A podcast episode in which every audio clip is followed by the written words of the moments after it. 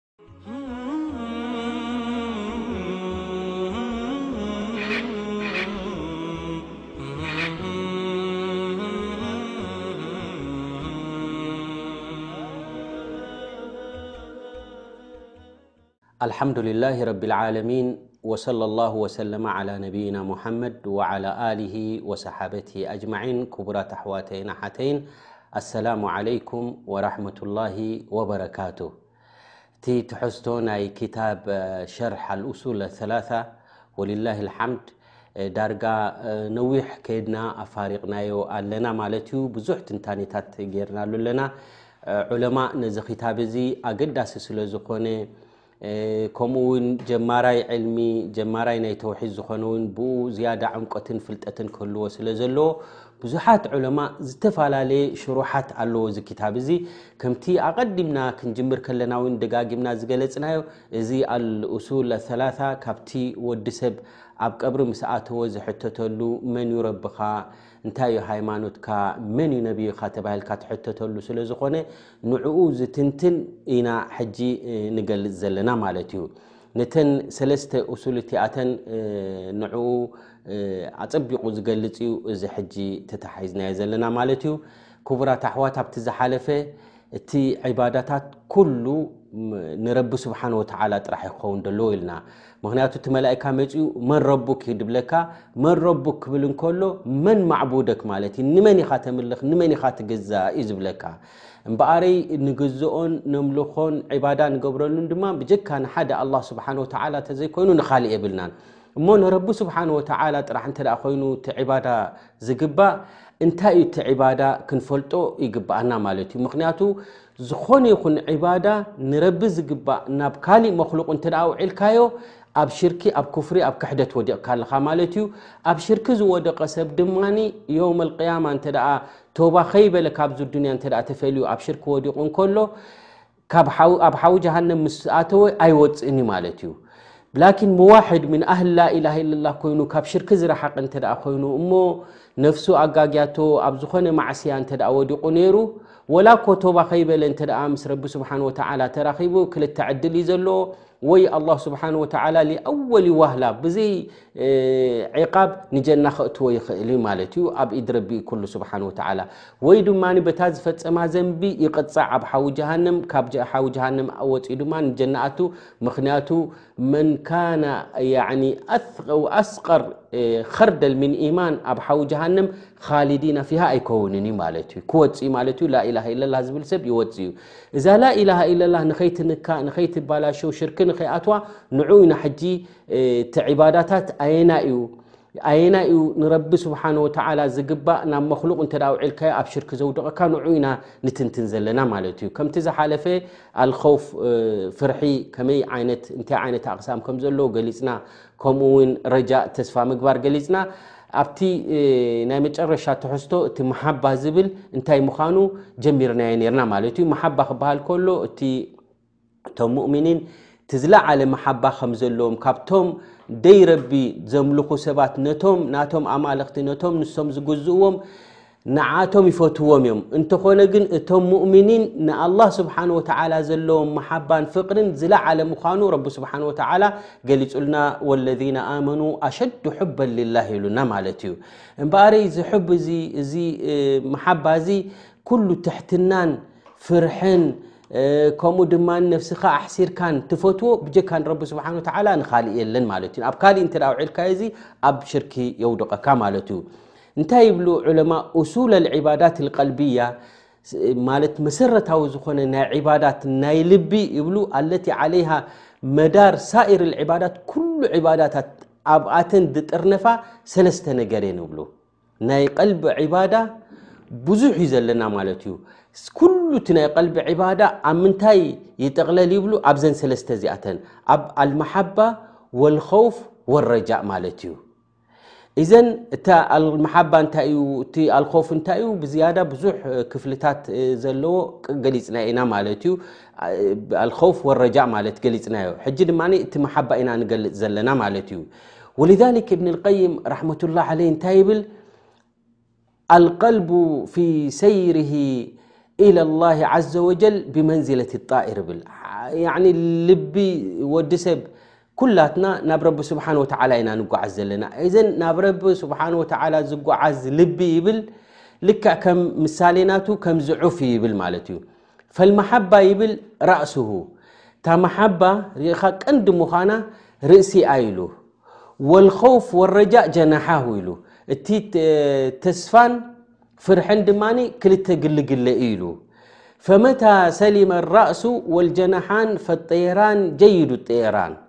እንተ ደኣ ርእሲ ቅኑዕ ኣሎ ኮይኑ ከምኡ ውን ክልተ ግልግለ ድማ ቅኑዕ ኣሎ እንተ ኮይኑ እታ ትነፍር ዑፍ እንታይ እያ ትኸውን ፅቡቃ ትበርር ማለት እዩ ከምኡ ዩ ድማ እንተ እቲ መሓባ ኣለካ ኮይኑ ወልኮፍ ወረጃ ድማ ምሉእ እንተ ኮይኑ እዚ ዓይነት እዚ ፅቡቅ ጌርካ መንገዲ ረቢ ክትጓዓዝ ኢኻ ማለት እዩ እንታይ ብል ወመታ ቆጢዓ ራእስ ማት ጣኢር እንተ ርእሲ ዘየሎ ኮይኑ ሞይቱ ማለት እዩ ዑፍ ወመታ ፉቂዳ ኣልጀናሓን እንተ ካብ ክልቲኤን ድማ ካብዘን ጀ ግልግለ ድማ ሓንቲኤን ድማ እተ ተሳኢና ድማ ፈሁዋ ዑርደቱን ሊኩል ሳኢድን ወካስር ንኩሉ ሃዳናይ እንታይ ክኸውን ዩ ማለት እዩ ዝዑፍ እዚ ኩሉ ሃዳናይ ዝኾነ ክሃድኖ እዩ ማለት እዩ ምክንያቱ ብምሉእ ቆይሙ ኣይኮነን ዝጓዓዝ ዘሎ ማለት እዩ ልክዕ ከምኡ እዩ ድማ ስብሓና ላ ኣብ መንገዲ ረቢ ዝጓዓዝ ሰብ ድማ ከምኡ እዩ እንተ ጃንበል ኮፍ ወጃንበል ረጃ ምተዋዚ ኮይኑ ዝኸይድ እንተ ኮይኑ እወ ዑለማ ክትንትኑ ከለዉ ኣየናይ ክቕርብ ክዝምብል ኣለዎ እዚ ትንታነታት ኣለዎ ግን ብሓፈሽኡ ክረኣይ ከሎ እንተ ኣልኸውፍ ወረጃእ ወልመሓባ መውዙን ኮይኑ ሚዛን ዘለዎ ኮንካ እተ ትጓዓዝ ኣለኻ ኮንካ መንገድኻ ነዊሕ እዩ እዚ መንገዲ ነዊሕ እውን ክትበፅሑ ኢኻ ማለት እዩ እንተ ደኣ ግን ኣብ ሓደ ወገን ዝዘንበልካ ንድሕር ኮንካ ግን ኣብ መንገዲ ክትወደቕ ትኽእል ኢኻ ማለት እዩ ኣብቲ ዝድለይ ከይበፃሕካ ከለኻ ማለት እዩ ወልዛሊክ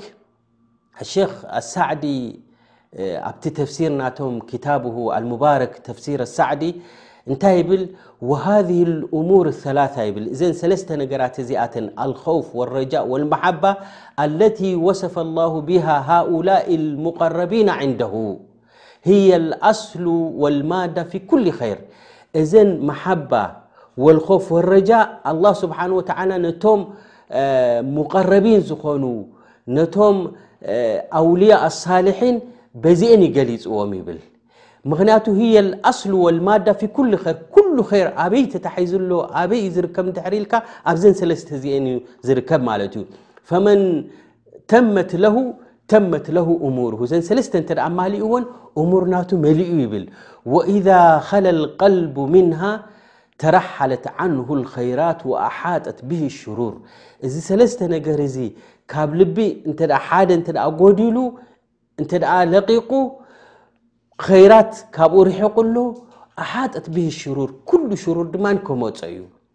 ፍዕለን ስብሓን ላ እዞም ዝጓዓዝ ሰብ ሕጂ መንእሰያት ክትሪኦም ከለኻ ክጅምር እንከሎ ጃንበል ኮፍ የብዝሕ ወይ ድማ ጃንበል ረጃ እንታይ ይኸውን ማለት እዩ ነዊሕ ኣይቅፅልን እዩ ማለት እዩ ላኪን መውዙን ኮይኑ እንተ ከይዱ ኣብዚ መንገዲ እዚ ካብቲ መንገዲ ናይ ኣህሉ ሱና ወልጀምዓ እውን ክወፅእ ኣይክእልን እዩ ማለት እዩ ረቢ ብዓነት ላ ዘ ወጀል ነቲ መንገዲ ነዊሕ ክበፅሖ ይኽእል ማለት እዩ ስለዚ ኣስሉ ልማዳ ፊ ኩሉ ኸይር ኢሉ ንኩሉ ኸይር ሒዘን ዘለዋ እዚኤን የን ማለት እዩ እዘን እዚ ጉዳይ እዚ ዝያዳ ክንፈልጦን ኣየናይ እዩ ኣብ ሽርኪ ዘውድቐካ እውን ክንማምዮን ይግብኣና ማለት እዩ ሸክ ሳልሕ ኣሊ ሸክ ሓፊዛሁላ እንታይ ይብል ኣልመሓባ ኣዕላ መርተባ ምን መርተበት ልኮውፊ ወረጃ ይብል እዚ ምን ለጣይፍ ዓጂብ ዝኾነ ፋኢዳ እዩ በይነ ልኮውፊ ወረጃ እታ ዝያዳ ትልለይ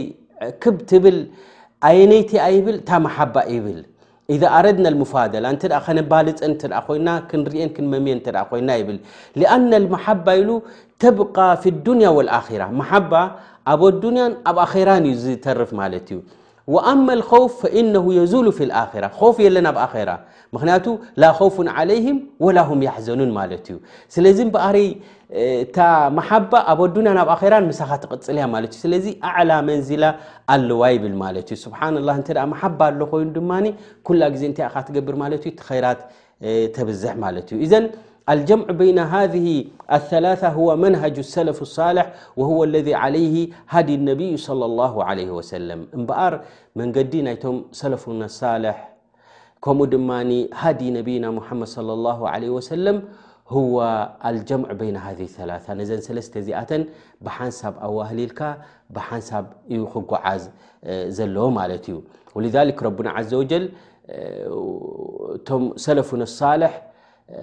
ኩላቶም እቶም ሙእምኒን እቶም ኣውልያ እቶም ኣንብያ ክግለፁ እንከለዉ በዚ ሰለስተ እዚኦም ተገሊፆም ማለት እዮም ኣላሁ ዘ ወጀል መሓባ ከም ዘለዎም ክወስፎም ከሎ ብሱረት በቀራ መበል 65 ኣያ ወለذ ኣመኑ ኣሸዱ ሑበን ልላህ ኢሉ ዳሕራይ ኣብቲ ናይ ኾፍ ወረጃእ ድማ እንታይ ኢሉ ወያዕቡዱን ኣላሃ ኸውፈን ምን ዕቃብሂ ከማ ኣመሮም ሹፍ ከምቲ ረቢ ስብሓን ወተዓላ ዝኣዘዞም ብፍርሒ ስለ ዝግዝኡ ስለ ዝኾኑ ኣብ ሱረት ልዕምራን መበል 175 ኣያ ድማ እንታይ ኢሉ ረቢ ስብሓን ወተዓላ ምክንያቱ ፍርሒ እንተደኣ ኣሎ ኾይኑ ካብቲ መንገዲ ናብ ሕማቕ ዝወስድ ናብ ቅኑዕ ስለ ዝመርሓካ ስለ ዝኾነ ረቡና ዓዘ ወጀል እንታይ ኢሉ ወኻፉኒ ኢንኩንቱም ሙእሚኒን ኢሉ እዚ ሸርጢ ገይሩሉ ማለት እዩ እዘን ፍርሒ ሓደ ምልክት ናይ ኢማን እዩ ማለት እዩ ወጀዓለ ሲፈቱ ረጃእ ፈርቀን በይነ ልሙእሚኒን ወልካፊሪን ኣብ መንጎ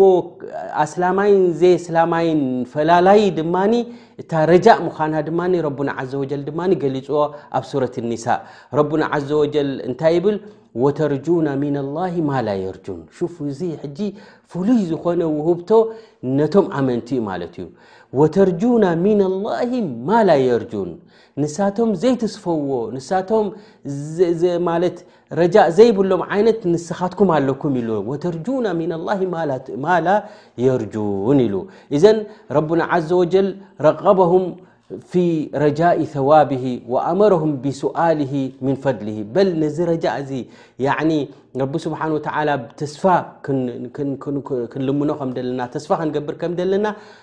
ዱዓ ክንገብር እውን ረብና ዓዘ ወጀል እውን ኣብ ሱረት ኒሳእ መበል ሰላሳን ክልተን ኣያ እውን እንታይ ይብል ወስኣሉ ላሃ ሚን ፈድሊ ወስኣሉ ላሃ ሚን ፈድሊ ምክንያቱ ፈድል ናይ ረቢ ራሕማ ናይ ረቢ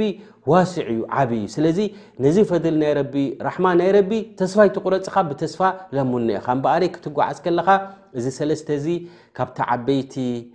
መንገዲ ረቢ ቀጥ ኣቢሉ ክመርሓካ ዝኽእል መንገዲ ኣህል ሱና ወልጀማዓ ከትሕዘካ ስለ ዝኽእል ኣብዚ ኣድሂብካ ኣፍልጦና ከምኡ ድማ ብዝያዳ ፈሊጥናን ኣየናይ እቲ ሽርኪ ኣየናይ እቲ ፍቁድ ዝኾነ ክንፈልጦን ክንሪኦን ክንማምዮን ድማ ይግብኣና ማለት እዩ እምበኣረይ ኣልሙኣልፍ ደሊል ኣልኸውፍ ኣምፅልና ደሊል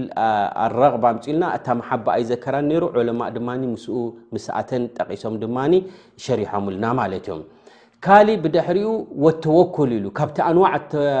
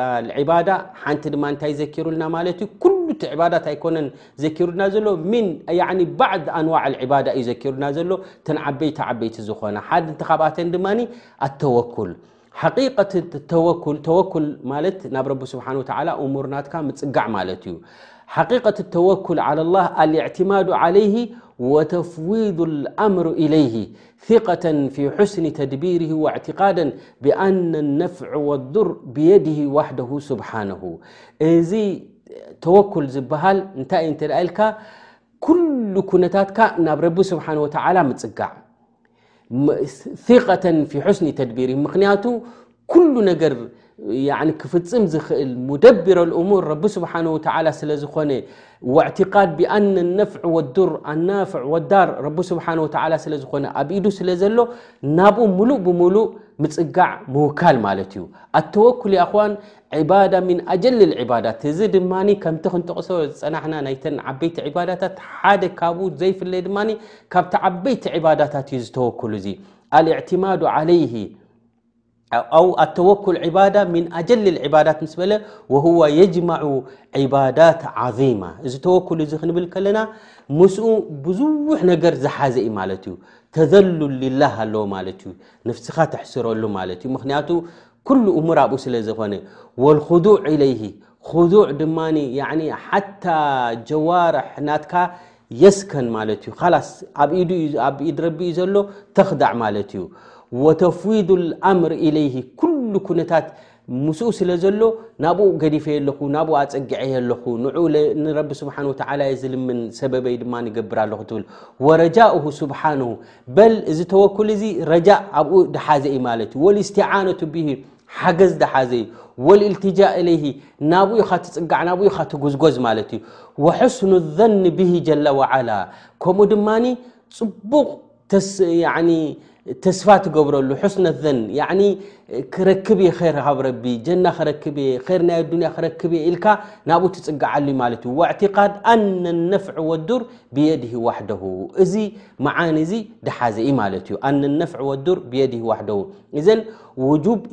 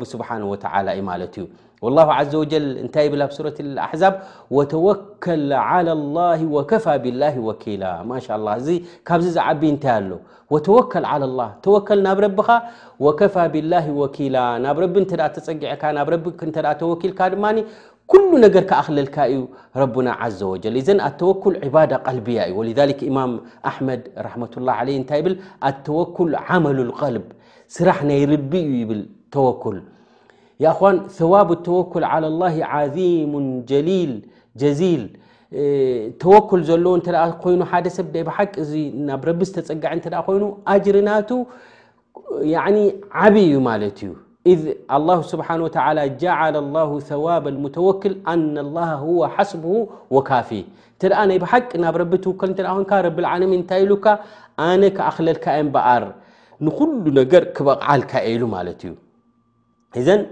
ወፊ ሊካ غና ለ ን ኩሉ ማ ተተተለብሁ ኣነፍስ ስለዚ በሪ ኩሉ ነገር ትደልዮ ዝኾንካ ረቢ ስብሓን ወተላ ኣኪልልካ ኣሎ ማለት እዩ ወላ ባዕደ መጥለብ ድሕሪ ረብዓለሚን ኣነ ለኹካ ድሕሪ ኢሉካ ስኒ ብድሕሪኡ ኣ እንታይ ሞ ንክደልካ ማለት እዩ እዘን ኩሉ ነገር ክኣክለልካ እዩ ረብና ዘ ወጀል ወ ኣብ ሱረት ጠላቅ መበል ሰለስተ ኣያ እንታይ ኢሉ